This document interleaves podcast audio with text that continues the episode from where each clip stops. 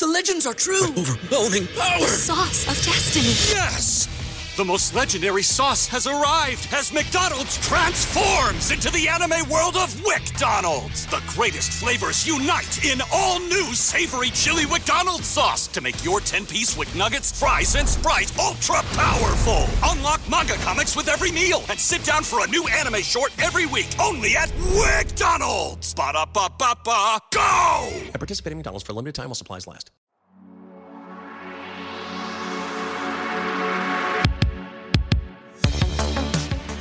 Hello, everyone. I'm Robert Parmer, and I'm excited to have you on board for the Broken System podcast. This podcast is about bringing to light stories that often stay hidden, stories about real people who have been let down by the justice system that should have helped them. Together, we're going to explore cases that show how the justice system sometimes doesn't treat everyone fairly, especially when factors like substance abuse and social class come into play. These stories reveal a concerning pattern where people don't get the same help as those who have more money and privilege. In our first season, we looked closely at the life and tragic death of DJ Fickey. His case showed how the system's biases can stop the justice from happening. Even though it was a tough fight, we managed to bring some closure when the person responsible for DJ's death was arrested. But that story isn't finished, and we're going to keep you updated on what happens next. These stories mean a lot to me. I've seen how tough things can be, and I've, I've been amazed by how strong people can be in the face of difficulty. Each episode is a chance to see what it's like when things seem really hard. Through these talks, we want to make things more fair and shine the light on parts of the justice system that needs fixing. So get ready for another season of insightful conversations where we're about to delve into stories where justice hasn't been served, and together we'll examine how we can make a difference. Welcome to the Broken System Podcast. Hey everyone, thank you guys for joining us. And I appreciate all the support and the downloads and the five star reviews that we've gotten over the last few weeks. It's been very helpful, been very good for me, and a good process for me.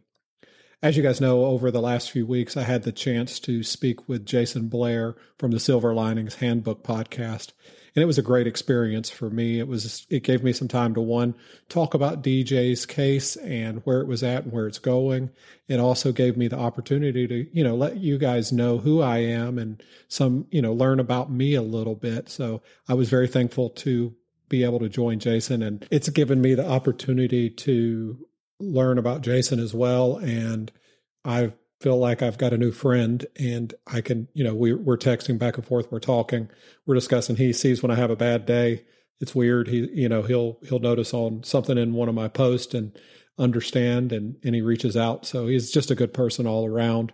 Um, I'm very thankful to have him in my life. And I was very thankful. I was very intimidated going on his show because I'd listened to all of his other episodes and I don't compare to those people they you know they, their resumes their their backgrounds and their histories all are so in depth and and just crazy. I was very intimidated about going on his show but he made me feel very comfortable and he he helped me open up and helped me talk about myself. And i feel like i you know it it, it was a great episode for me. I learned a little bit about myself and i hope you guys learned some too. So i'm going to play that episode here and then we will start working over the next week, we're going to be looking at Temujin Kensu's case.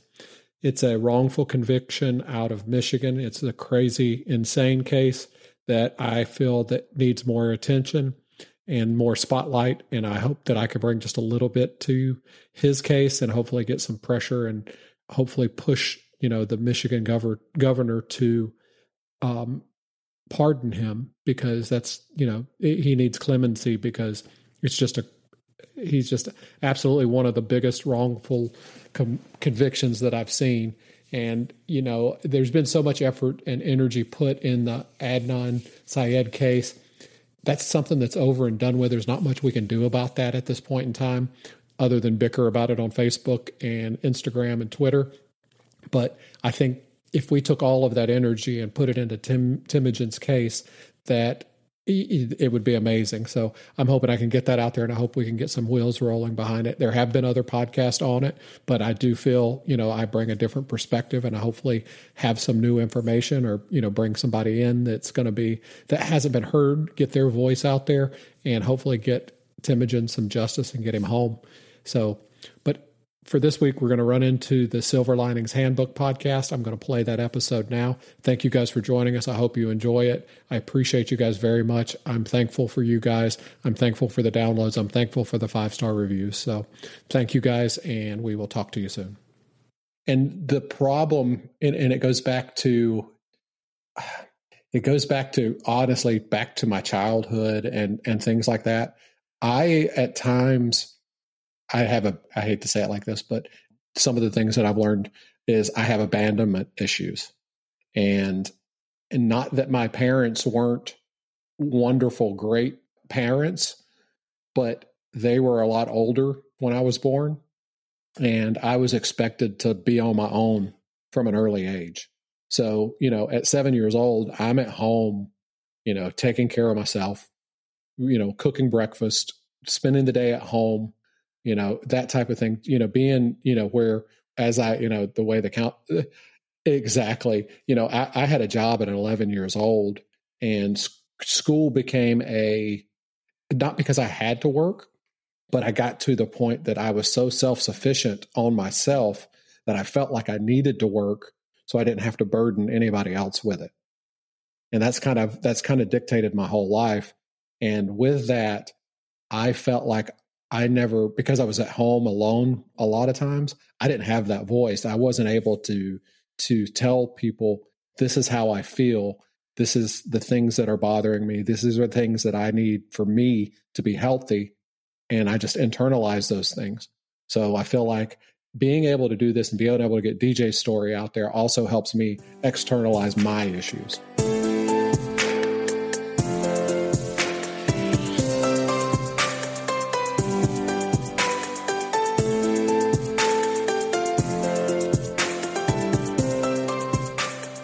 This is Jayson Blair, and this is the Silver Linings Handbook Podcast. That's Robert Parmer, the host of the Broken Systems Podcast, a podcast focused on bringing justice to those who deserve it, the people whose cases are derailed for a variety of reasons, whether it's tunnel vision, their socioeconomic backgrounds, their mental health, the neighborhood they live in, internal problems with law enforcement, or just plain laziness. Robert is not a journalist or a lawyer or a politician or a former FBI agent. But in his first season, Robert's podcast has led to a significant impact on bringing attention and putting pressure on law enforcement to solve a case in Georgia that was beset by law enforcement infighting. In this case, in a small northern Georgia county, it would have likely not have been solved without people like Robert and the sister of the victim. His podcast comes from a place of genuine compassion, curiosity, and a desire for the truth that some say is missing in the media and true crime, particularly among those who are simply trying to grab headlines, likes, views, and clicks. If you've not heard the Broken Systems podcast yet, I recommend you check it out.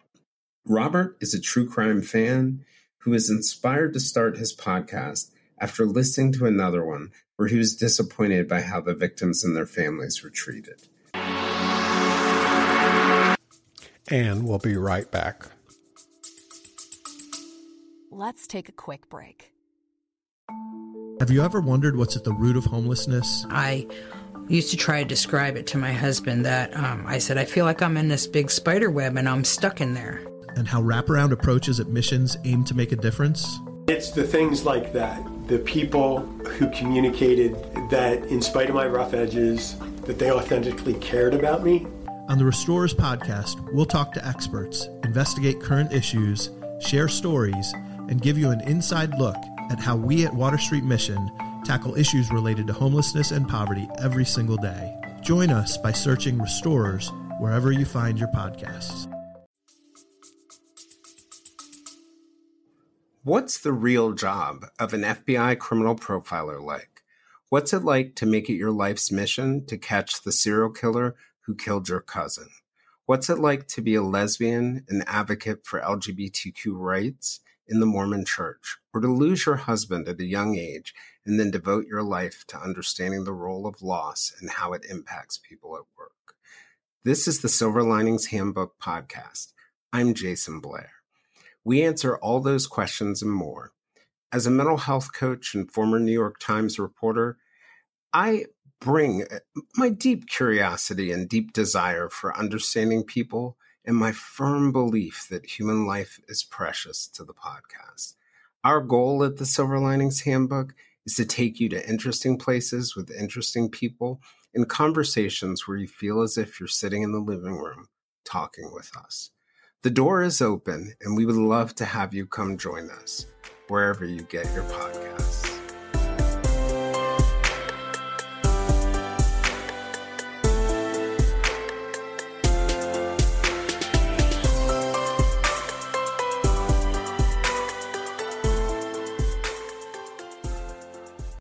This led Robert to research cases of the lost and forgotten, the people whose socioeconomic status, race, addictions, mental illness, jobs, or simply the jurisdictions where they were harmed, almost guaranteed that they would not be a priority.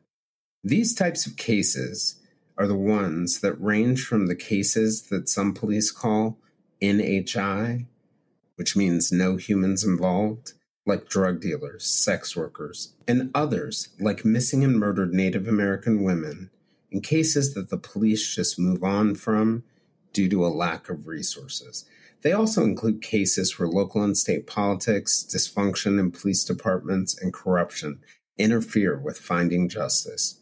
They include cases that we talked about in our early episode with John Wesley Fountain, a former Chicago Tribune and New York Times reporter which I would recommend you go back and listen to. Those are the cases where the media ignores things simply because of the color of an individual's skin or the neighborhood that they died in. Despite the missing and murdered white woman syndrome, a term sociologists use to describe the phenomenon of young, attractive, middle class white women going missing and them getting a disproportionate amount of attention, especially on television, even those cases can slip through the cracks of a broken system, as we've seen in the disappearance of 17 year old Alyssa Turney in Phoenix, Arizona, where the police initially didn't investigate. The 2017 murders of Abby Williams and Libby German in Delphi, Indiana, where a critical interview from the first few days of the investigation was lost in the case file or simple whodunits like the case of Maddie Scott, a Canadian teenager who vanished from a campsite at Hogback Mountain. In Robert's first season, he tackles the 2016 case of Donald Edward Fickey, or DJ as he was called by his friends and family. DJ, who struggled with drug addiction, died in a drug house in Walker County, Georgia. His case was initially ruled a suicide, but Robert came across DJ's sister, Amanda Shirley, who had a very different story to tell, one that was corroborated by some of the investigators. DJ was murdered, they argued. Now, seven years later, in July of 2023, a man who is in that house named Marshall Payne, who is in a love triangle with DJ's wife, was charged with shooting him in cold blood. It's a story of infighting between local law enforcement and the Georgia Bureau of Investigation and neglect because of DJ's drug addiction. And it may be a roadmap for how many missing, murdered, and otherwise harmed people who get lost in the criminal justice system can be found again. Robert was born and raised in Marietta, Georgia, where I spent my elementary and middle school years. At 14, Robert's family moved to Coleman, a mountain town on the geographic heart of Alabama. After high school, Robert enlisted in the Air Force and received his bachelor's degree in business. He bounced around in management jobs for a few years when he entered the corporate workforce, where he served as a senior vice president for operations for an Atlanta company that grew during this time from 44 to 500 employees. Soon after the company was sold, Robert took a position as the chief operating officer of another company. After some personal missteps, Robert decided to take a step back from the corporate ladder to focus on his mental health and family and ultimately, he decided to start his own business, a story that I can relate to in almost every way. Today, we're going to talk about those cases and how to fix the system.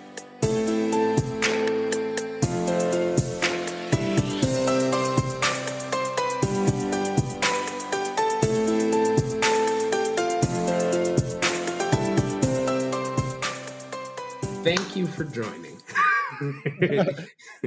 well, thank you for having me. I really appreciate you um, coming on. I um, you know, as you probably know, Robert, like the first uh, time I was really exposed to you, you know, and got to hear sort of the full story of your podcast and the case of DJ Fickey that you covered was when you appeared on the prosecutors podcast. And I was really, I was fascinated because, you know, I'm a person who cares, I think, deeply about the cases and the stories of people, whether it's in crime or something else that that don't really get covered or they get lost and forgotten. And I had never heard about DJ, even though I follow Georgia news. I had never heard about DJ, even though I care deeply about mental health and substance abuse. And it just made me thought think like one, thank God people like you are there to make sure we're hearing these these stories. And so I, I, I appreciate the fact that you're here, and I'm really grateful that you're willing to come on.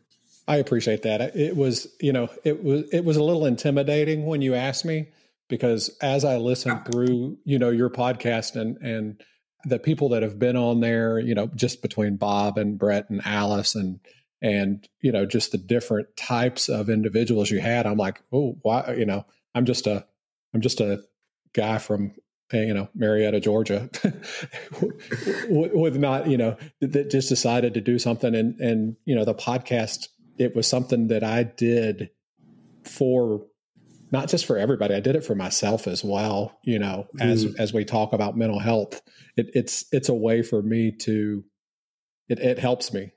Yeah, uh, you know, I don't know if you know a lot of people can understand that, but but being able to get on and, and research and look into it and dive into the case, it, it really helped me get through some time. Oh, it's interesting you say that because I am, um, you know, people often ask me like, why do you, why do you write or why do you create things or why do you research things? And some of it is like, you know, it's, it's, um, transformational, right? It takes me out of my day to day. It puts me in another world. Some of it is like the creative piece of it. But I do believe like in my writing and my podcasting and even just my conversations, there's something very cathartic for me in this whole process, if that makes sense. And I, I, I think it's, you know, I, I don't think it's selfish. I think it's that's something we can't lose sight of because when we are taking care of ourselves, that's when we're going to do, at least in my mind, maybe the best work in terms of helping people. Oh, for sure, and and I know I exa- I know exactly what you mean. It's very it's it's that way for me as well. So uh, you know, I you made that point that um, you're just this regular guy from Marietta, Georgia, which, by the way, is how I see myself too. Um, you're this regular guy from Marietta, Georgia, and I actually think that's one of the most powerful things about your story. You know, if DJ was waiting for a television station you know, he would have needed an anchor or producers or somebody who had worked at that, you know, or if it had been a the Atlanta Journal Constitution, it would have been somebody who went to journalism school or did all this training. But I actually think part of the power of podcasting is there are, you know, there are a few barriers to entry. So a regular person can get up and do something that really makes a difference in people's lives and I actually think that's one of the most interesting things about that story. So I'm curious, like what, you know, in a way, you probably, between you and his sister, you had way more impact than the journalist had on the case or the state investigators. I'm just curious about like, you know, what what brought you to that point to start a podcast and got you interested in it, and what's the journey to this case? So, a little over a year, year and a half ago, I started listening. Eh, I listen to a lot of podcasts. I, I, I, if they're out there, I've probably listened to it. Some I've made it all the way through. Some I haven't. About a year and a half ago, I started listening to a podcast, and I'm not going to mention the name of it, but it really changed my outlook on on podcasting in a bad way mm. because mm. of the way that the person is dealing with the case, individ- the individual case, how he treats the family, how he treats individuals, and the way that he was doing everything, I, I just it just floored me and and how much I guess disrespect for the victims, the victim's family, and and things like that. It, it, just floored me. So I was like, I, I started looking. I'm like, look, I need, I can do this. I can do this better because because I care. And it, it for me, it's not. I, I'm not here to make money. I'm not here to do it for any other reason than to tell a story, to get a story out there that somebody else hasn't heard, or if they've heard it, they didn't hear the whole story. They only heard parts of it. Mm-hmm. So I started researching and and you know I came up with the name of the broken system. And we'll be right back. Let's take a quick break. Introducing Work from Anywhere, a Haworth Connect podcast, where we sit down with industry experts to discuss what's new and important in the world of work. We are now kicking off season two. In this series, we're focused on organizational culture, how important that is to the way we go forward in a work from anywhere ecosystem, and how we design the workplace to best support the most engaged workforce. We're available wherever you find your podcast, and we hope you'll learn along with us.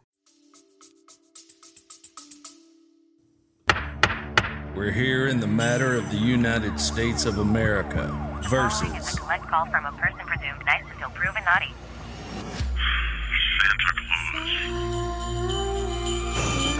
Y'all, Santa Claus is locked up, and I'm going to get him out.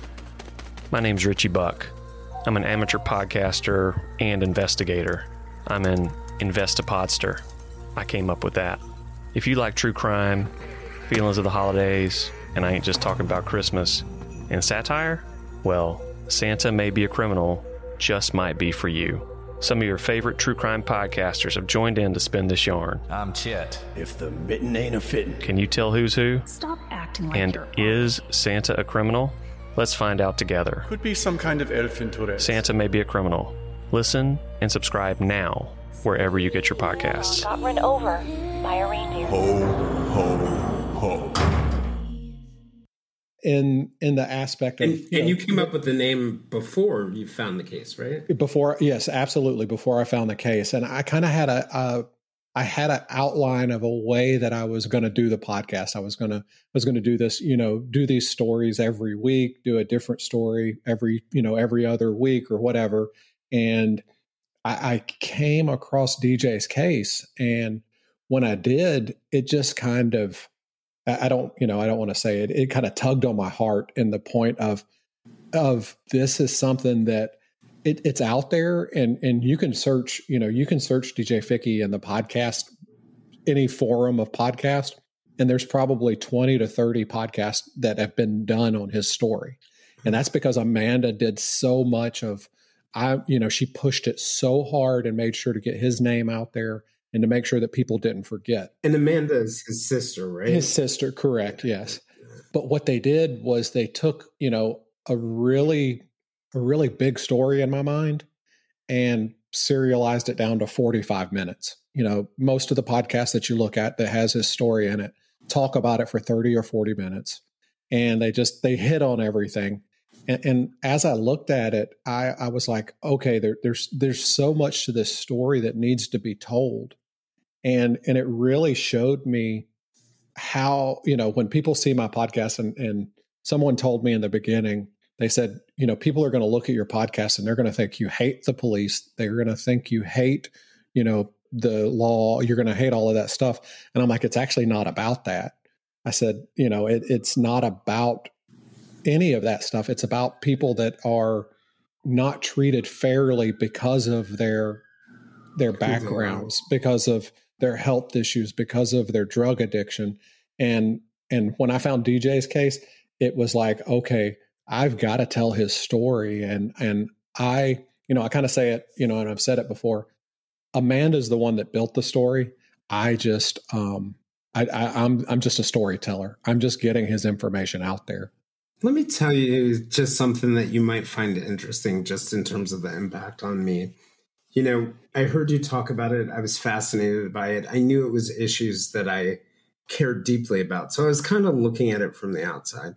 I got four to five episodes in, and it struck me that everything DJ was going through, everything that he did that kind of led him onto that path that he was on, like it, it was it was looking in the mirror. It felt like I was seeing a younger Jayson Blair doing all the things that I had done, walking, I mean, from the addiction to the relationship to being in the drug house to everything. And I just thought, like, I felt an enormous amount of empathy, sympathy, but also grace because, I mean, that that could have been me. It, and it could that have been, was powerful. Yeah, and it could be it could be any of us, and that's that's the biggest point that I want to get across to everybody is is there's so many people that look down their nose and say, "Oh, he, you know, he had a drug addiction. Addiction. It was his fault. He shouldn't, you know, had he not done that, it wouldn't have been. He wouldn't have been in that situation." And and it, you know, every person is just one decision away from from their life spiraling. Honestly, mm-hmm. just yeah. one. And it, some people are able to turn that around quickly. Some people have the support system to turn it around. Some people don't. And, you know, you never know when you're going to end up in that situation. Yeah. Yeah.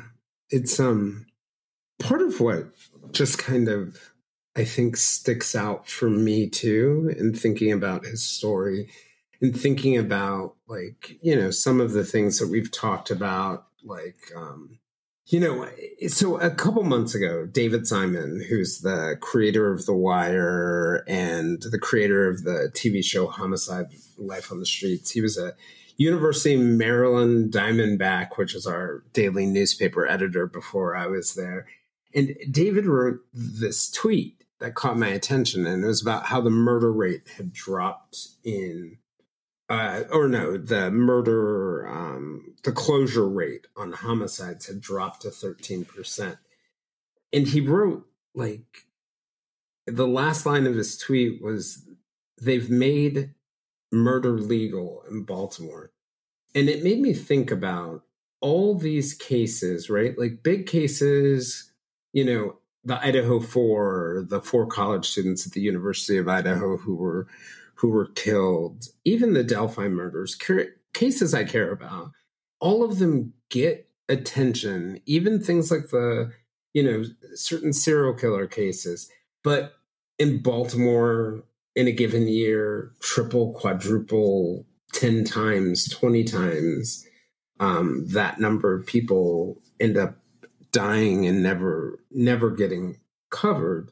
So you know, you're a Marietta guy who is living in Atlanta. How do you end up in Walker, Walker County, Georgia? And how do you end up getting the trust of the people who kind of already felt like they were they were being ignored?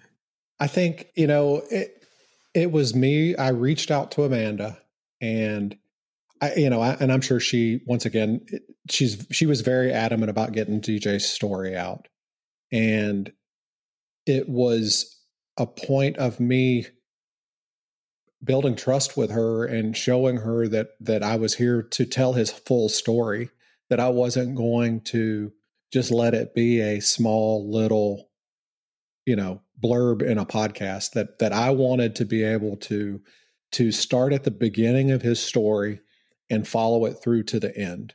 And each week show everybody the things that she knew the things that she saw, the things that she had to deal with, and let them see where the misjustice was. And, you know, the first thing she told me was she she she gave me her blessing and said, look, do what you need to do. She said, because if you have one person that listens to your podcast, that's one more person that would will know about DJ's story. And that's possibly one more person that won't have the same situation. Mm. And so for her, it was as much about helping resolve her brother's case, or it was about as much. A, it was as much about helping other people as it was solving her brother's case. Yes, and, and she's she's changed. You know, she's turned into a very big advocate for other people in the same type situations, and and she helps as much as she can. She gives, you know, she she shows the path that she took, and it's crazy because when you look at other people's stories and other people's situations, they and I don't want to say they give up, but they get beat down. You know they they can look at something and they can only fight it for so long and they just uh, you know they get exhausted and they just can't do it anymore she did it for 7 years and and because of her pushing so hard that's why you know there was a there was you know a charge basically brought against this person. And you know he's he's awaiting trial now. And it, you know and had she not pushed so hard, it would have just been another one of those stories that was just a quick blurb in the news and and moved on. I know in my mental health work when I've dealt with suicide, you know, it's a very common thing, right? There's cognitive dissonance when somebody you, you know, and there's you know, when I was when I was working at the New York Times, there were two people who were there, if you can believe this, two reporters who committed suicide. One uh, a guy named Allen Myerson was very clearly despondent in the days before and the the the morning of and he ended up throwing himself off the side of the Times building. And at first we all thought like oh is it work or is it something that happened here? And we ultimately found out it was it was more about things happening in his personal life. And then very early on in my career there was another reporter. So so with Alan, it was very obvious something was going on. With this other reporter, he had gone off to mental hospital, had gotten out on um, you know, like uh where he was it was almost like he was furloughed out with his family a couple times. And he seemed so happy and so positive, and he ended up killing himself. And then those moments, right, where a loved one is doing and in his particular case, I'm personally convinced that he was so happy because he was at peace with the decision he had made. But one of the things about suicide is that people can show up happy, sad, distressed, anxious before they do it. And so I think in those cases sometimes where where people do seem happy, families have a tendency to believe that it wasn't suicide. Uh, what tipped Amanda off, and how was she able to convince some people that this wasn't a suicide? So, really, from the beginning, you know, they they were getting text from DJ up until you know five minutes before he was murdered from DJ saying, "Hey, I need to get out of here. This is not a good situation. Can somebody come get me?" And so that was part of it. But the second part was that, you know, his wife was there when it happened. And and we'll be right back. Are you tired of having an unruly, scraggly beard that just won't cooperate? Look no further than Copper John's Beard Company, your one stop shop for all your beard care needs. Our commitment to quality ingredients and unique scents will take you on a journey to create your perfect beard.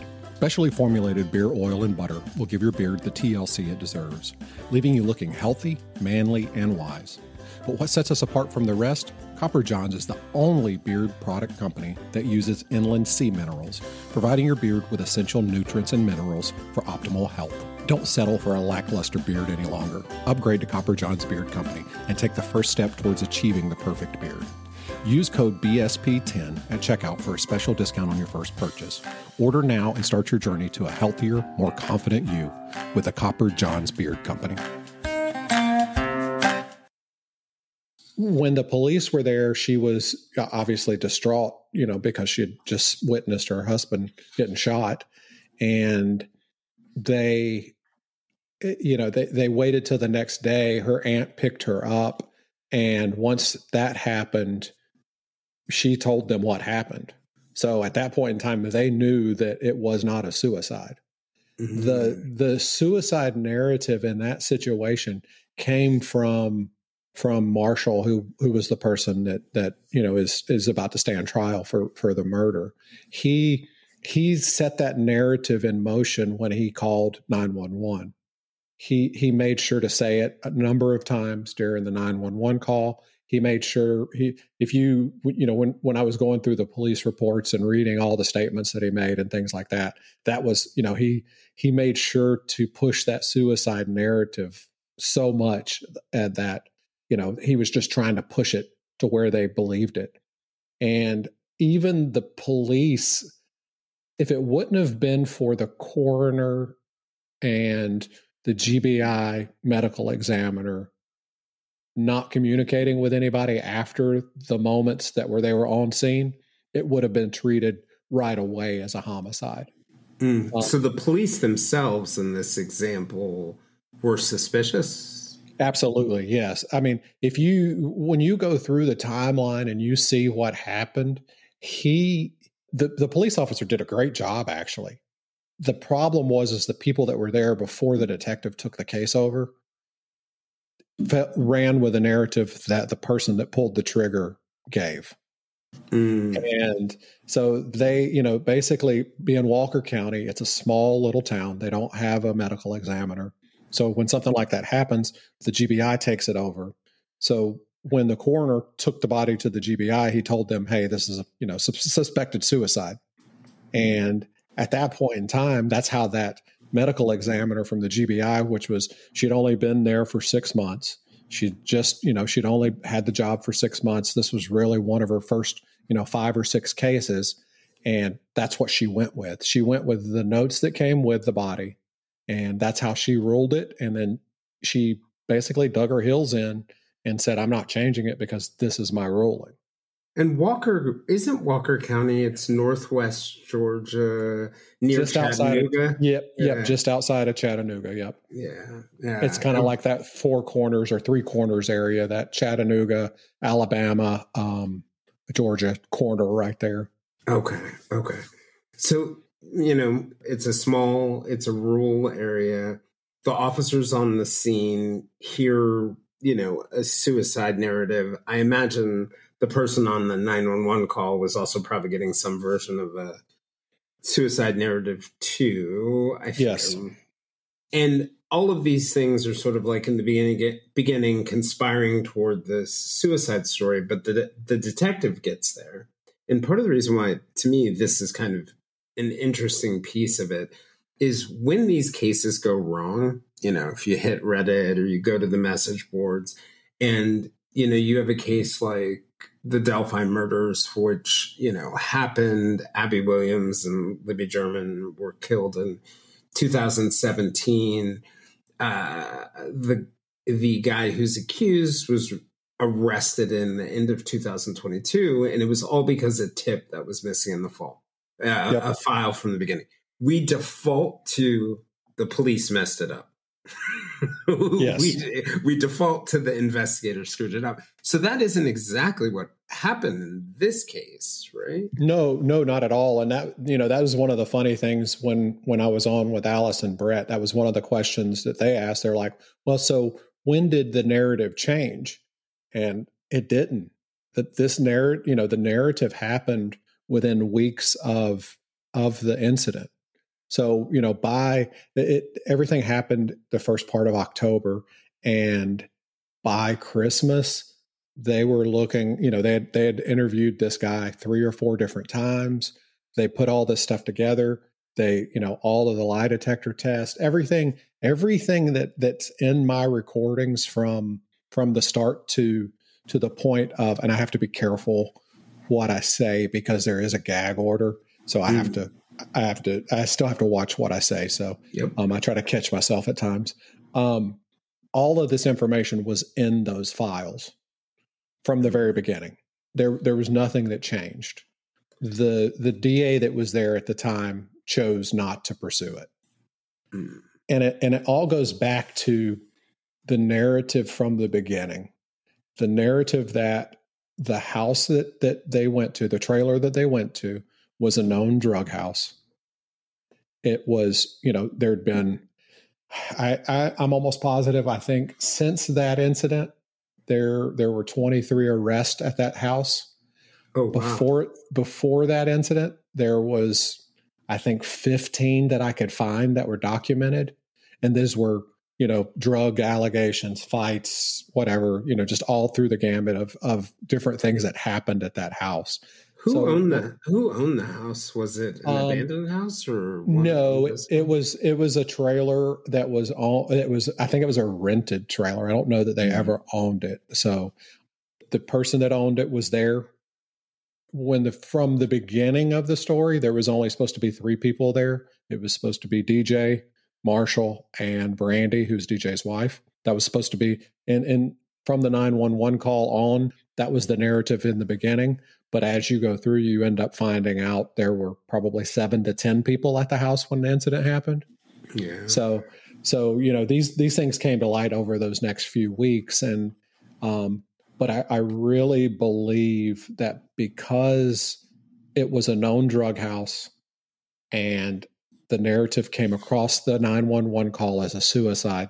That's how they looked at it and they wanted it they just wanted it to get a, go away.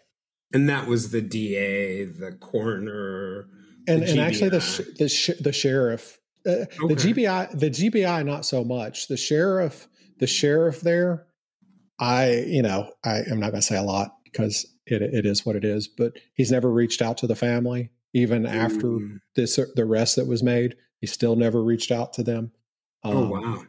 yeah it, it, it was um Is there bad it- blood because of the advocacy? Because I know sometimes, you know, there are some people who are in positions of authority, and like we all make mistakes, right? We all do things wrong. We make wrong calls, but they they struggle when someone pushes against them, and it turns out they're right.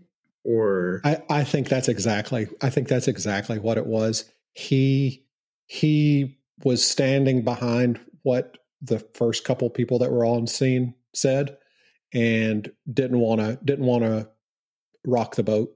And his his way not to rock the boat is to say you know this is a non-issue. Mhm. and, and he even made a statement when so the only statement that i could find by the sheriff was when they changed the death certificate from suicide to undetermined and his comment was this doesn't do anything to help the case all it does is muddy the waters even more Oh wow. Yeah. So so so you have some it sounds like you've got some investigators who are like, you know, they're obviously doing a polygraph. They're always obviously interviewing this time. They're like there is something wrong with this case. Something happened here. They've got the wife who's it sounds like a witness to it telling them, "Hey, you know, like here's what I saw, here's what I think happened." But it sounds like between the DA maybe thinking uh, the suicide narrative, drug house, reasonable doubt, risk. The sheriff himself not being engaged in it, and then the coroner's report sort of conspire for for what maybe some of the investigators and for his sister was an obvious murder turning into a kind of lost case. Is that is that a fair? That's exactly yeah. That's excellent. a- a- Actually, exactly.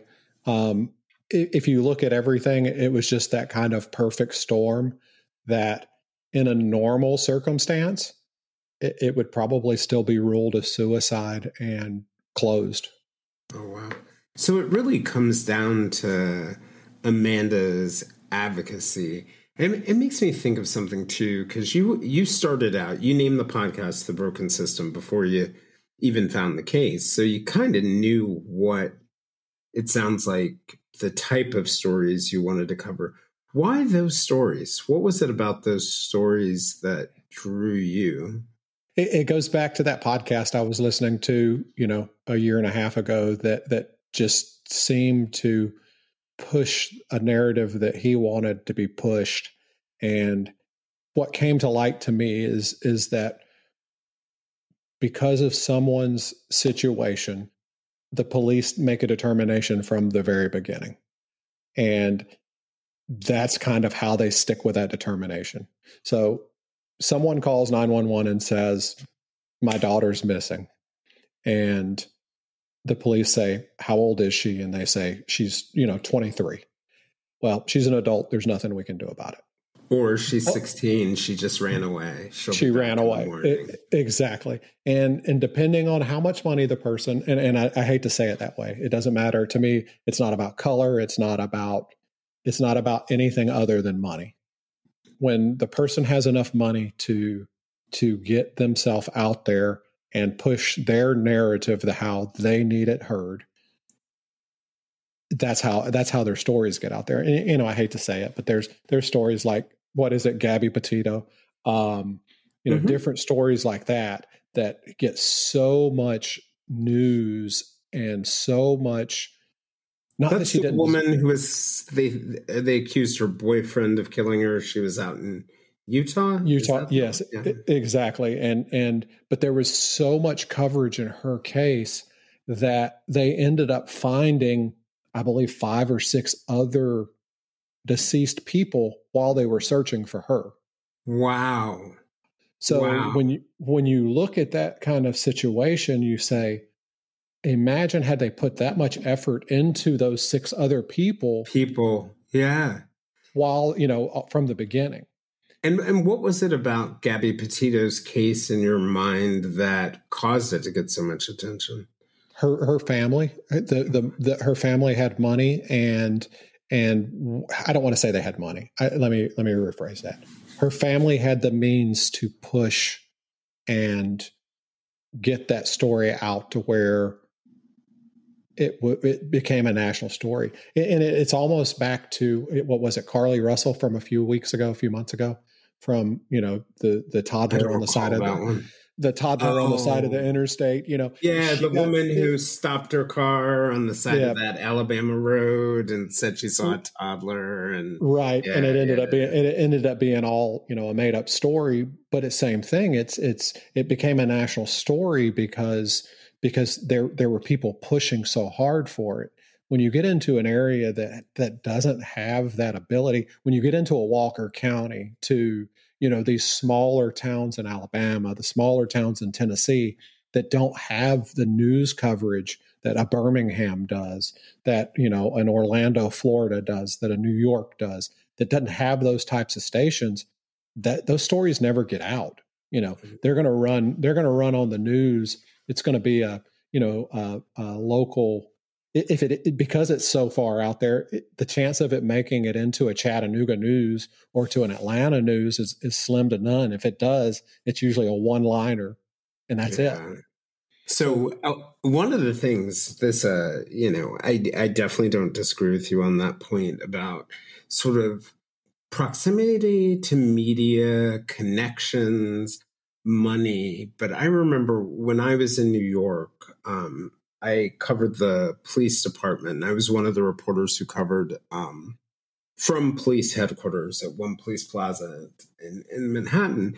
And I also, in addition to sort of like covering regular crime, I was the reporter who covered like the department itself, its internal stuff. So I became really close with the deputy uh, police commissioner for public information and, you know, she used to tell me all the time, like, you are out of your mind if you think that a city councilman's phone call doesn't change the resources on a case, or whether they're in the Upper East Side, or whether it's somebody who could go to court or call the DA. Like, all of that affects it. What power people have, whether that comes from money or who they know or other things.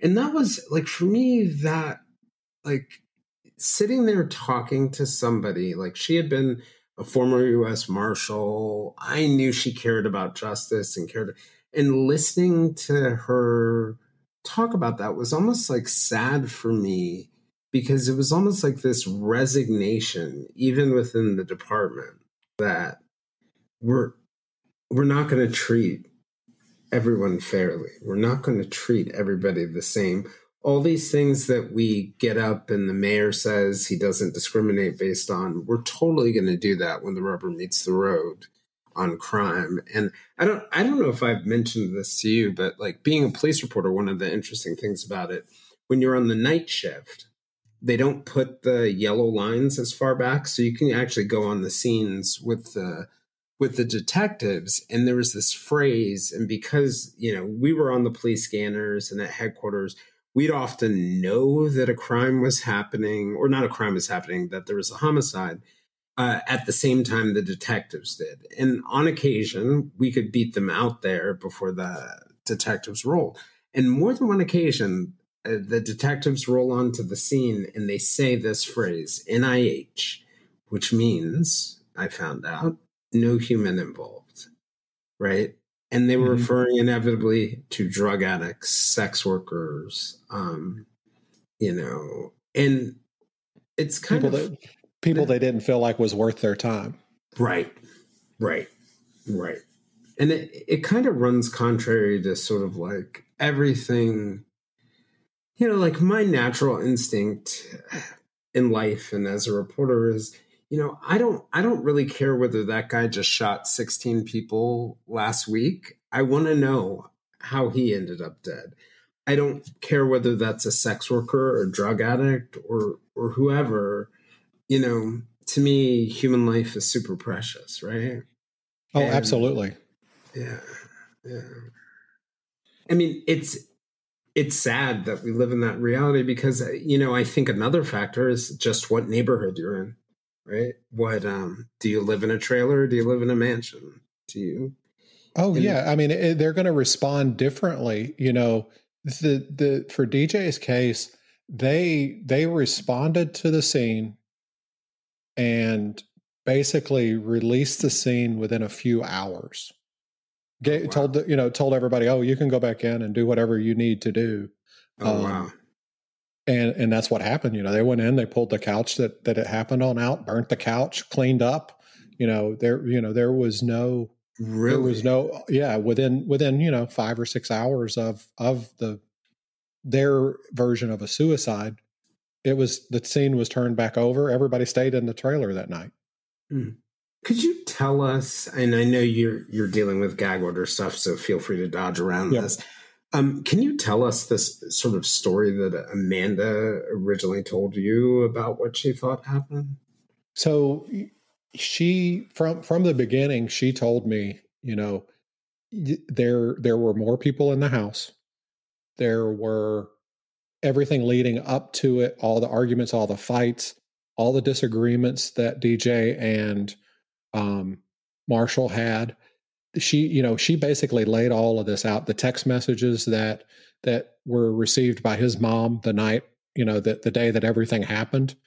And you know within minutes you know of of what the final the, text what did those texts say? What did his text say? Basically it was him texting his mom saying i need you know i need to come stay with you.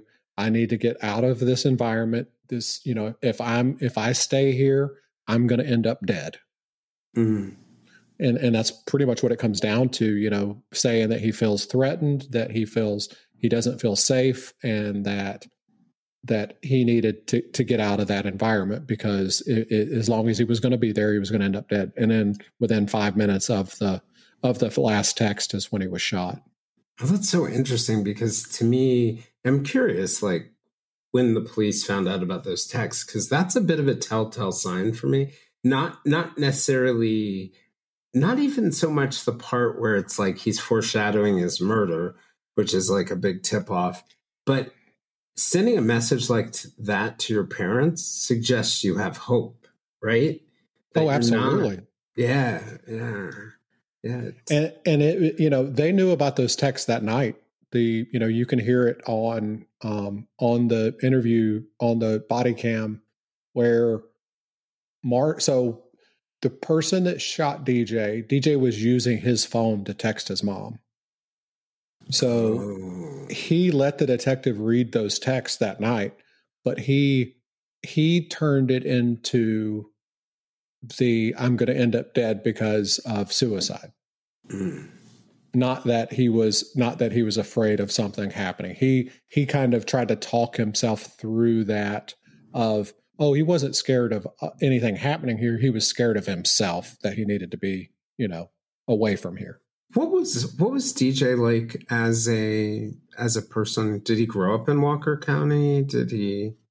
Yeah. between he he grew up in Alabama. They're they're from actually a small town in Alabama.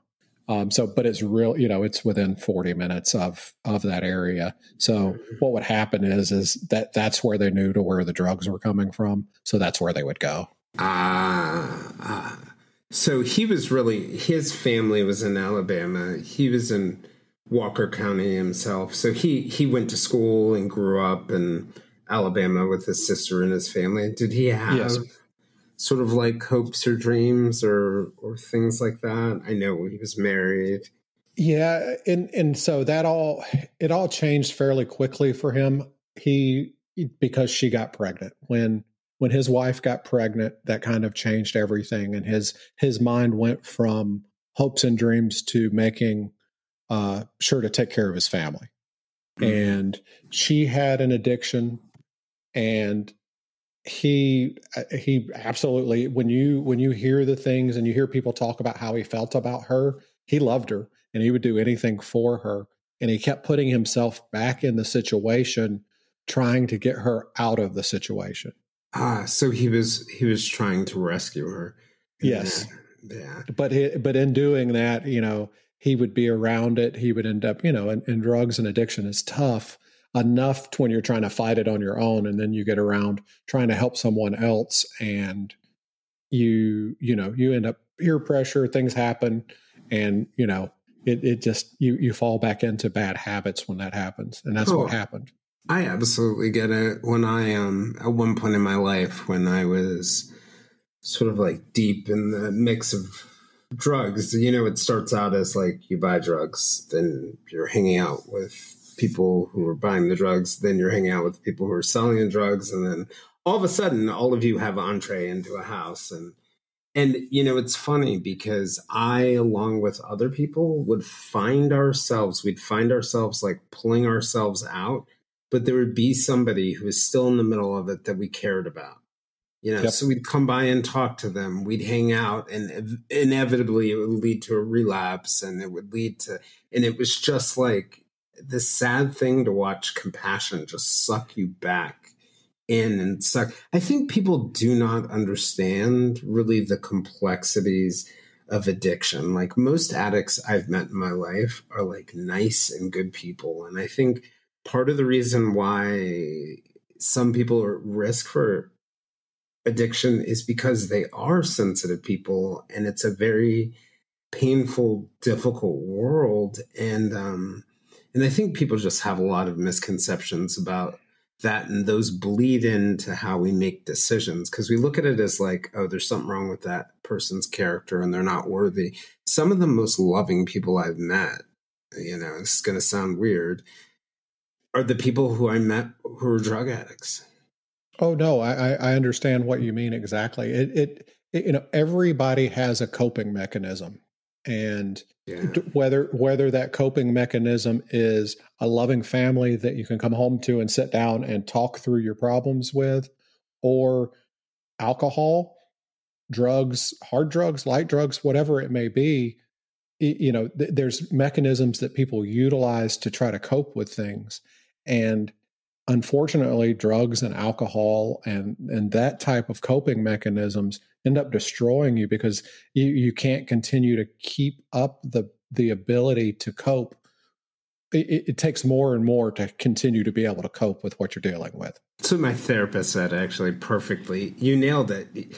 You know, everybody has a coping mechanism. The only problem with drugs as your coping mechanism is they're a really excellent coping mechanism that will kill you. So let's go pick one that's not going to kill you.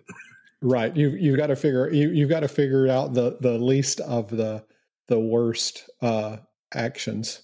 It reminds me of a funny story. So I I went into after the time scandal, I went into a psychiatric hospital up in um, New Canaan, Connecticut, and I I went in, and my parents came up from Virginia to Connecticut to to take me there and we get in and you know this is back in the good old days where people were allowed to like smoke in psychiatric hospitals i don't know if they still can but and you know i i was like on the bubble about whether my parents should bring me a carton of cigarettes and they would keep them in the nurse's station and they would dole them dole them out and you could go out onto this deck that they had and you could smoke. And so I changed my mind right as my parents were uh, uh, walking out. And I was like, go ahead and pick me up a carton of cigarettes. And my mom was like, she said, that's really going to be unhealthy for you. I'm not sure you should be doing this while you're trying to, you know, uh, get better. And the psych tech turned to her. So that's the psychiatric technician.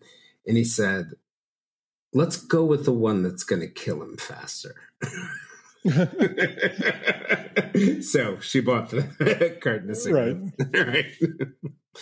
Oh, and um, but but yeah, yeah. I think it's a in life, and I think probably you and I both like can relate to this idea that we all have a bunch of coping mechanisms. Some are less healthy, some are more healthy, some affect no one, some affect others. And I don't think it makes sense to live in a world where we just look down on people for certain coping mechanisms. Instead, I think we should be, you know, for me, whether it's like sex addiction or it's drug addiction or it's whatever, it's not all that different than the person across the street's addiction to chocolate in the sense in in terms from the perspective of, of addiction the implications for them and other people may be different but if i can have that compassion for the lady across the street who's trying to stop eating sugar i should be able to have it for the guy who's trying to you know stop watching pornography or or smoking crack Absolutely. I mean, that's that's the biggest thing is is I think I think each individual person needs to stop and take a step back and think of it as, okay, I'm not any better than they are. How can I help? You know, and figure out what they can do better and, and whether it's for themselves or for somebody else is is just to be able to help somebody to pick them up and to help them move forward. You know whether it's getting them off of drugs whether it's getting them away from a situation that it they don't need to be in. And and those are sometimes the hardest things is is when you know somebody and you care about somebody that's putting themselves in a bad situation that you try to involve yourself and it ends up causing you to be pushed away from that person further mm. because you involved yourself and people don't do it because of that reason i think they're afraid they would rather have somebody that's a shell of themselves than losing that person altogether. Mm. Never even thought of it. I never even thought of it that way. The the idea that like to go in and try and help somebody before they're ready only increases the likelihood of of really separation from them and that there's a lot of fear connected to that. Wait, one of the things you mentioned was how important Amanda. It's Amanda Shirley, right? Amanda. Yes. Yep. How how important Amanda was to the case. What what in your mind happens to the people who don't have an Amanda, or their Amanda becomes so tired, or it becomes so heavy? Like what happens in in those cases? They get forgotten about. They get th- those are the ones that never that never are changed from suicide to undetermined. Those are the ones that never go back and look at the the situation and and somebody is walking free for killing somebody. You know there's a murder that happened. You know even when when when the police know that it was a murder but they don't pursue it because of the person's socioeconomics or because of their background or because of what they did last month or you know however they look at it those people get forgotten.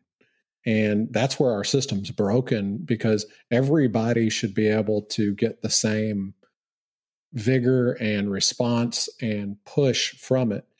I get calls or i get messages quite a bit from from people that are in situations that are similar to Amanda's, but it, it's hard for me because I go through them and and uh, and it's unfortunate when I look at them. I'm like, you know, I understand that you you don't think that this was the case, but it really points to that. That's you know that that's that's what happened, and I have to distance myself from that. And but there are just as many that are reaching out to me that are are so much more and and are in the same situation that Amanda's in, but they just don't have the I don't want Amanda's got drive. She's amazing. I, you know, and I it's almost like we need an army of Amandas. Yes, absolutely. If you had an army of Amandas, you would you would have so many people that were getting justice for their loved ones because there there's just so much tenacity and so much not wanting to give up. And you know, I asked her how, you know, how eh, she said she just made it her life. You know, she said she told her mom, "You know that I'm not going to let this go.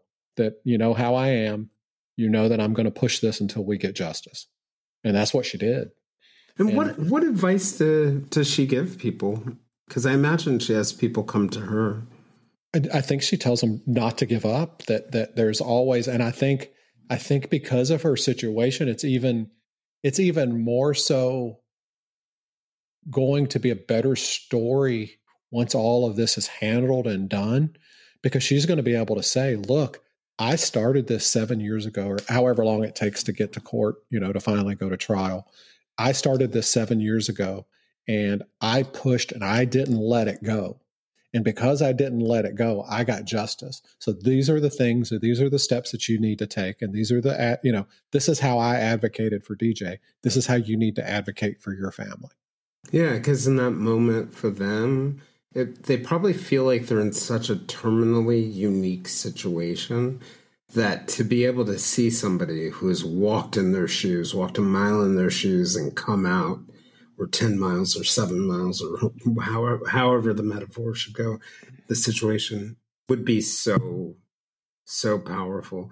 I even, so just recently, I think it may have even been today, I was reading um, this post on Twitter. And in in the post, it was about an article that appeared in the Long Island newspaper Newsday, and it, was the police commissioner Rodney Harrison, a former NYPD guy, who uh, was in charge of uh, investigating the Long Island serial killer case, and they just arrested a man for the um, you know, the uh, what they call the Gilgo Beach Four. And he had said that when he came on a few years ago, they only had one investigator assigned to the case, and it wasn't his only case. So you've got, you know, I forget what the number is 10, 11 plus bodies found on this beach, and only one investigator. We don't even know if it's one killer. And there was a lot of outrage about it. And I found it really interesting to hear how outraged and people saying that, you know, this makes no sense. And I thought to myself, no, this makes perfect sense. In understanding the incentives, and I'm not saying that this is something about the police, but the incentives that law enforcement are given by politicians, you know, we used to say in the newspaper that, like, you would see these blurbs like it would say one American, three British people, and 500 Indians died in a boat, you know, that that right. went down. That that the 11 you know, one Natalee Holloway, pretty white girl who's 17 years old and blonde and is attractive equals what? 11 sex workers? No, maybe a 100. You know, and it, it's just it, it was just interesting for me to see that post because it just reminded me of how and i really think this comes down to our own cognitive bias like our belief that we are not a part of this problem right that we're not as the citizens the ones who are giving the politicians these incentives but that people just don't understand or can't accept that this is the way the system works. Is that is that fair? No, it, it's absolutely. I think I think that's exactly it, and and it comes back to people living, and I don't mean it in a bad way, but people live in a bubble. Mm-hmm. So they don't want to know about anything that's not inside their bubble, and and typical a sex worker isn't inside their bubble. A mm-hmm. 17 year old high school girl that's on her high school trip is inside their bubble because it could be anybody. You know, the Native they don't- American girl out in the reservation that disappears isn't. Right, exactly. And that it, it makes it hard. Like I, you know, I once got kicked off a, a Reddit forum for this because it was actually related to the Idaho Idaho four case, and I don't know what started the conversation, but I made this comment. I've I've worked my way back in, but I made this comment where I was like, "Look, all all the research shows that we care about this case because these are four white attractive college students and people jumped on me.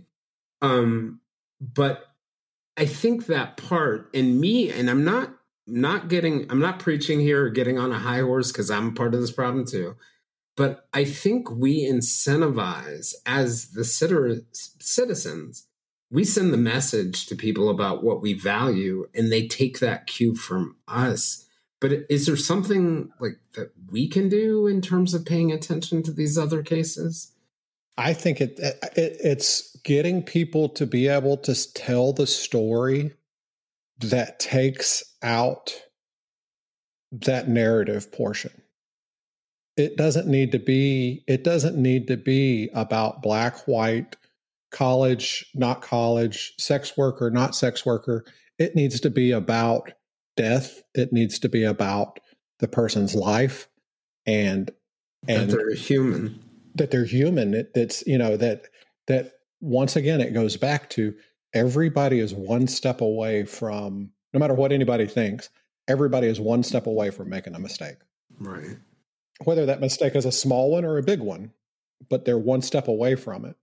Yeah and i think sometimes the small one can have huge consequences it's not yeah and i think people uh, they have this habit of believing that like i'm gonna you know i'm gonna be presented with this big choice and if i make the wrong choice bad things gonna happen to me. No some usually it's a slippery slope. It's like one small choice builds to another small choice and you end up off course. So in thinking about sort of like the system itself and you know where where where it other places that it might break because you know we talked about the case of um the delphi murders abby and libby. Um there there are other cases even people who do fit that mold of the you know uh, of of what we would naturally and normally follow. But those cases even those cases can break too. Do, are there other areas that we should pay attention to in your mind or other things that we need to reform when it comes to our approach to justice and i mean the whole system not just police themselves but I think it's going back to giving everybody a voice. I, you know, I think for at one point in time in history, I think people had a voice, and being able to take that voice and and knowing that you're going to be heard, that's been taken away from a lot of people, and because we don't give everybody a voice, it it makes it impossible for everybody to get the same justice. Does that make sense? I don't. I don't know if that makes sense. No, it does. I mean, I I think you know the more you know one of the things that I, I think about sometimes, like you know, an anthropologist will tell you that like part of the reason why we're able to survive on this planet is because we're tribal. You know, because inherently we're able to fit, uh, make groups, right? Teams, whether those are families or clans or or larger groups. That's how we compete for resources. That's how we do things. But that tribalism, you know, that point that you were making before about like people don't look like us or they're not in our circle or they're not in a bubble. I think that tribalism, particularly when power is concentrated in certain tribes, can can allow at the very least da- the dampening of of um, of other voices. And it sounds like also from your story part of it is not just about voice but it's about listening. Because like when i think of that sheriff or the da some of this is about us kind of like letting our pride, our ego, our fears about losing cases, kind of like letting go of that and just listening. Yep. And so one of the big turning points for DJ's story with Amanda was that Amanda was she was very active on Twitter and she would she would tag the GBI, she would tag the head of the GBI and she she would do she would do a lot of things that would, you know, make some people you know just kind of um get under their skin. A woman after and, my own heart. Well, and, and, and so the one of the people at the GBI ended up blocking her on Twitter. Oh, and that's a no no. Yep, because public official. Official, yes. So mm-hmm. once she once she found once she got other people involved in that, that person retracted that block and said, "Hey, that was a mistake. I didn't mean to do that." But hey, why don't you come in and talk to us about this situation? Oh, really? Yes. That, and, that's how the invite came. Yep. And it and and so she went into the GBI and, and spoke to them, and that's how they ended up with getting the death certificate changed from suicide to undetermined mm. because because she got blocked on Twitter. Mm. Wow. Wow. And so she was just pushing and pushing. So, you know, one of the interesting things about all of this, Robert, the point being, you know, you aren't a former detective and you're not a journalist. Like, what is it in your life, like for you, that got you to the point where, where these kinds of things matter? It, for me, it, it, so I started doing it as, as something for me to help help with my mental health to help me just cope with just being able to sit down and talk through a podcast to be able to do the research and do do put it all into a verbal form helps me throughout the day. I'm a how do, I guess I, I'm an extroverted introvert, if that makes sense. it does. I, I, so when I'm in public and I'm talking to a group, I can talk to 100 people. I can talk to 500 people, no problem. But the moment I step out of that group, I turn back into myself and, mm. and I, I internalize everything. Mm. And it, it, it's almost to the point, and, and it's kind of what's affected me in my personal life. It's what's affected me just overall in general by doing that. Because once I turn into myself, I don't realize and I don't think about how how I affect other people. Does that make sense? Mm. Yeah, oh, absolutely. Your impact so, on yeah, I'm I'm the other way around. By the way, I am a introverted extrovert, so I kind of live in my own head, which is dangerous. Hence, yes. why the books and other things along that way. I I used to have a friend who would tell me she was in AA with me. She said, "Jayson, if you're gonna go alone in your head, go with a flashlight and a gun. Otherwise, bring a friend." right? Yes. Um, but yeah, you can put me on the stage, and a lot of people think I'm an extrovert, but I'm alone. I am my own deadliest enemy. Yep, absolutely. So this it gave me an outlet, and and DJ's case just tugged on me. It it really hit me in the heart, and it really it really pressured me to put his story out there and to do it the right way, to do it in a way that didn't one I tried to not put it in a way that I didn't put anything out there that wasn't the truth. I didn't put anything out there that wasn't already out there, that wasn't already known. And, but I also did it in a way to respect the family, to respect the police, to respect um, the legal system, and to make sure that everyone that it was involved in that story had a voice. And and being able to give that voice and and that's important to me especially when once again amanda when amanda told me it doesn't matter to me. I want you to put his story out there if one person hears it that's one more person that would that can either benefit from it or one more person that would have never known about it. Are there moments for you in your life where you feel like you didn't have a voice? Yes a lot of times. I and and the problem and, and it goes back to it goes back to honestly back to my childhood and and things like that. I at times I have a I guess I, I hate to say it like this, but um, some of the things that I've learned is I have abandonment issues, and, right. and not that my parents weren't wonderful, great parents, but they were a lot older when I was born, mm-hmm. Mm-hmm. and I was expected to be on my own from an early yeah. age. So you know, at seven years old, I'm at home, you know, taking care of myself, um, you know, cooking breakfast, spending the day at home, you know that type of thing you know being you know where where as i you know you the way the count fast. exactly. You know I, I, had a job at 11 years old oh, and wow.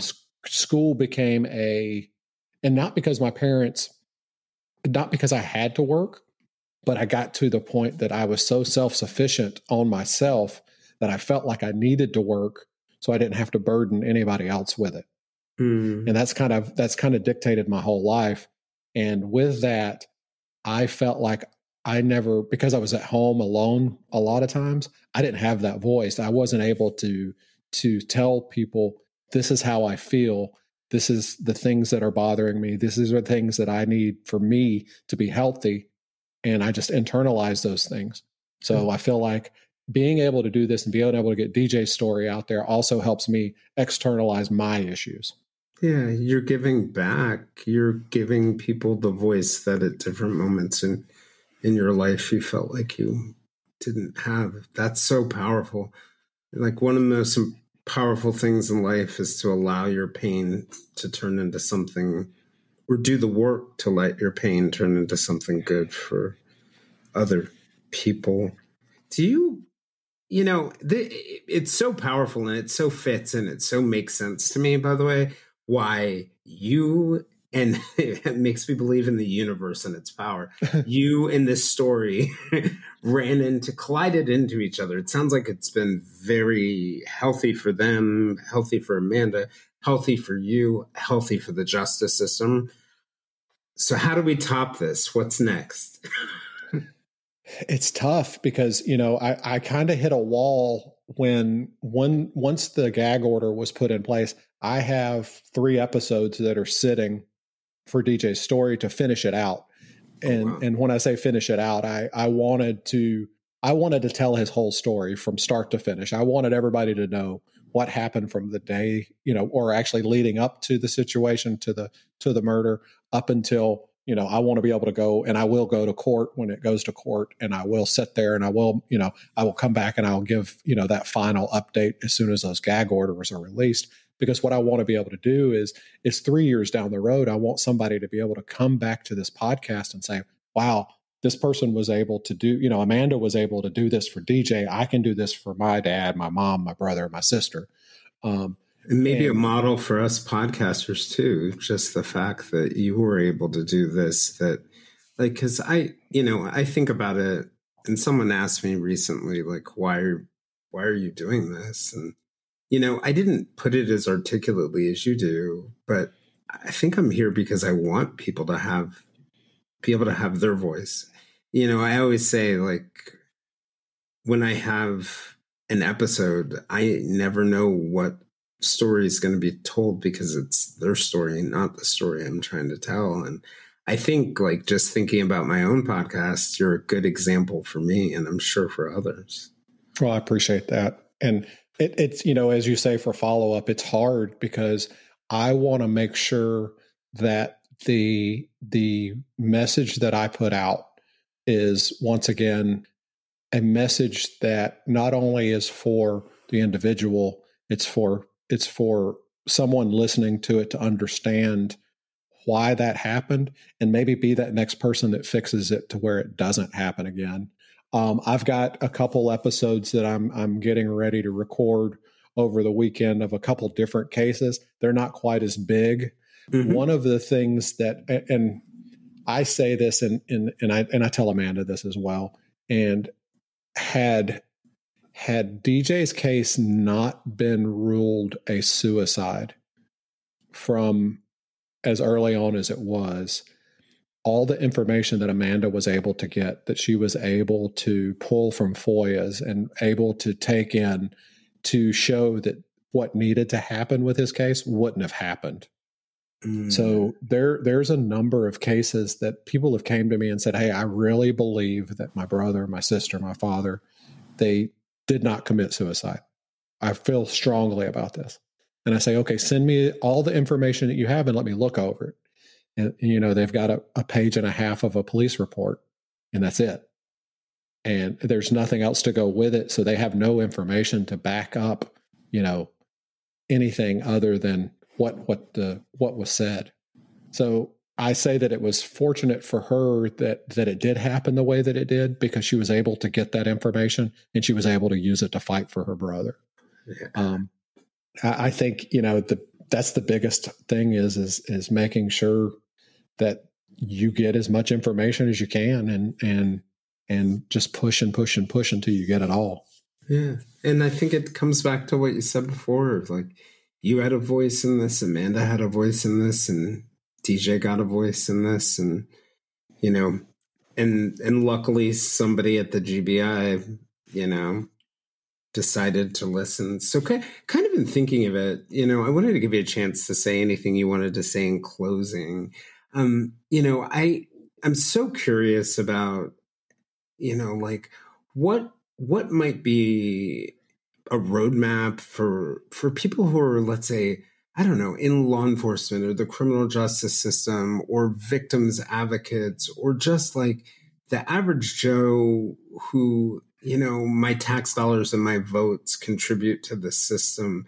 Like what are the things that we should all be thinking about doing when it comes to these kinds of situations do you have any any advice for us for me that advice is is to take out the I know a person's background has to be a part of the discussion, but it doesn't need to be the main part of the discussion.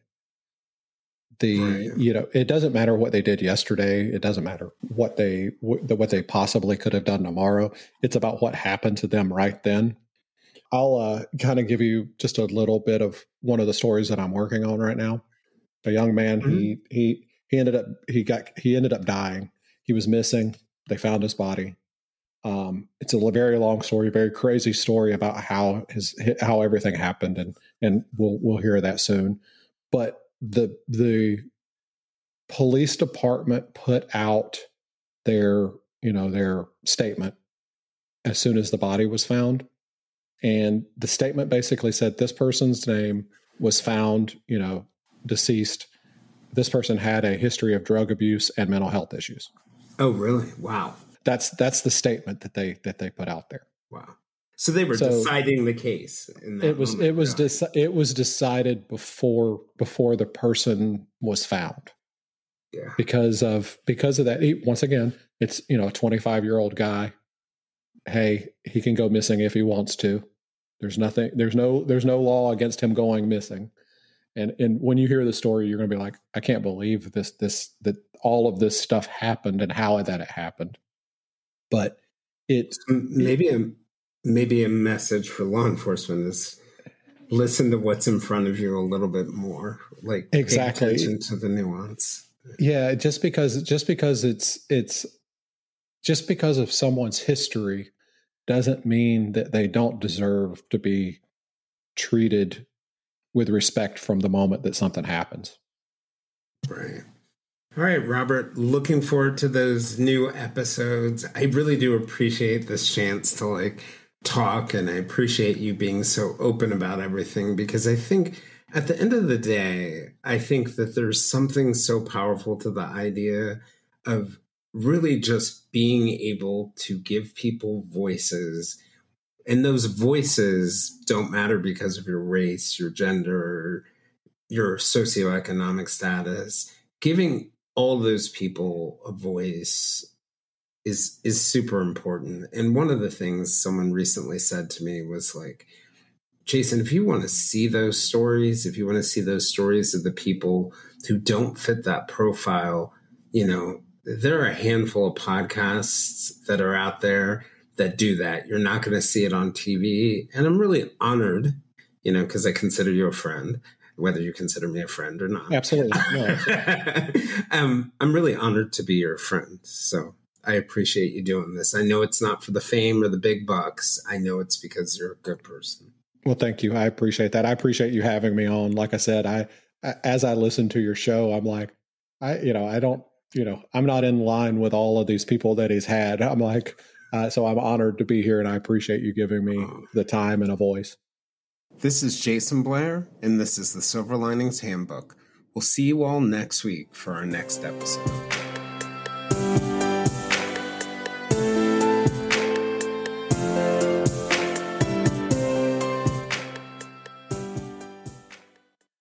Once again, thank you guys for joining us this week. We really appreciate Jayson for having us on. I hope you guys enjoyed that episode.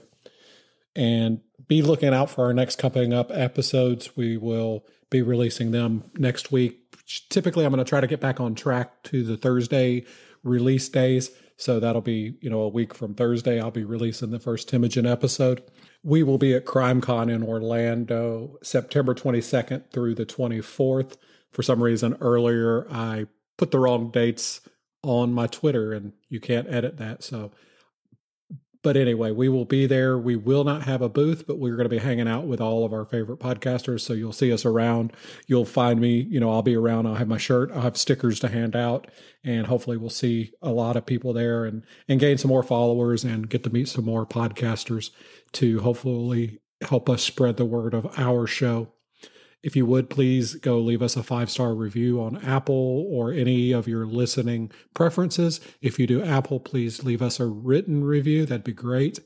I do want to thank everybody that supports me and has done that. I want to it's ama- it's amazing when you see that kind of stuff and people reaching out and letting me know they enjoy the show. It's amazing. So, I thank you guys very much. Follow us on Twitter. It's Broken System Podcast follow us on Facebook and on Instagram. They're all the same, the Broken System Podcast. I try to update pretty regularly on there. Make sure to go and like Jayson's show as well, the Silver Linings Handbook, and also, you know, leave him some five star reviews. Let's get his podcast up there and keep it going. Thank you guys very much. Make sure to go and listen to all those episodes. We appreciate it and keep keep up the good work and we will continue to keep fighting. Thank you guys. And that's a wrap for today's episode of the Broken System Podcast. Don't forget to show your support by liking and sharing this episode with your friends and family. We also invite you to join us on Facebook and Instagram for more updates, behind the scenes content, and community discussions. Just search for the Broken System Podcast on both platforms and you'll find us. We encourage you to check out our show notes for this episode, where you can find links to our partners, a transcript of the episode, and information about the music you heard today. We want to make it easy for you to access all the resources we discuss on the show. And lastly, this episode was written, edited, and researched by Robert Parmer. Thanks again for tuning in, and we look forward to bringing you more thought provoking content on the next episode of the Broken System Podcast.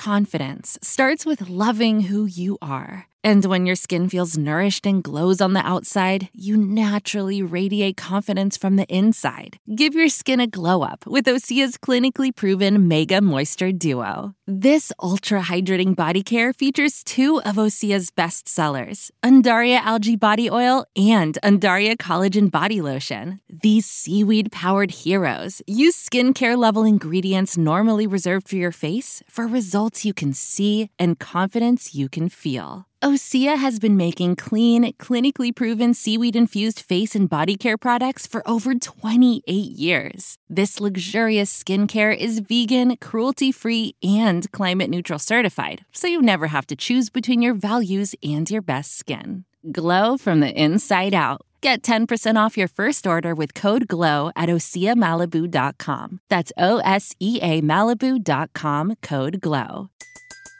Everybody in your crew identifies as either Big Mac Burger, McNuggets, or McCrispy Sandwich. But you're the filet fish Sandwich all day. That crispy fish, that savory tartar sauce, that melty cheese, that pillowy bun. Yeah, you get it. Every time. And if you love the filet of fish, right now you can catch two of the classics you love for just $6. Limited time only. Price and participation may vary. Cannot be combined with any other offer. Single item at regular price. Ba da ba ba ba.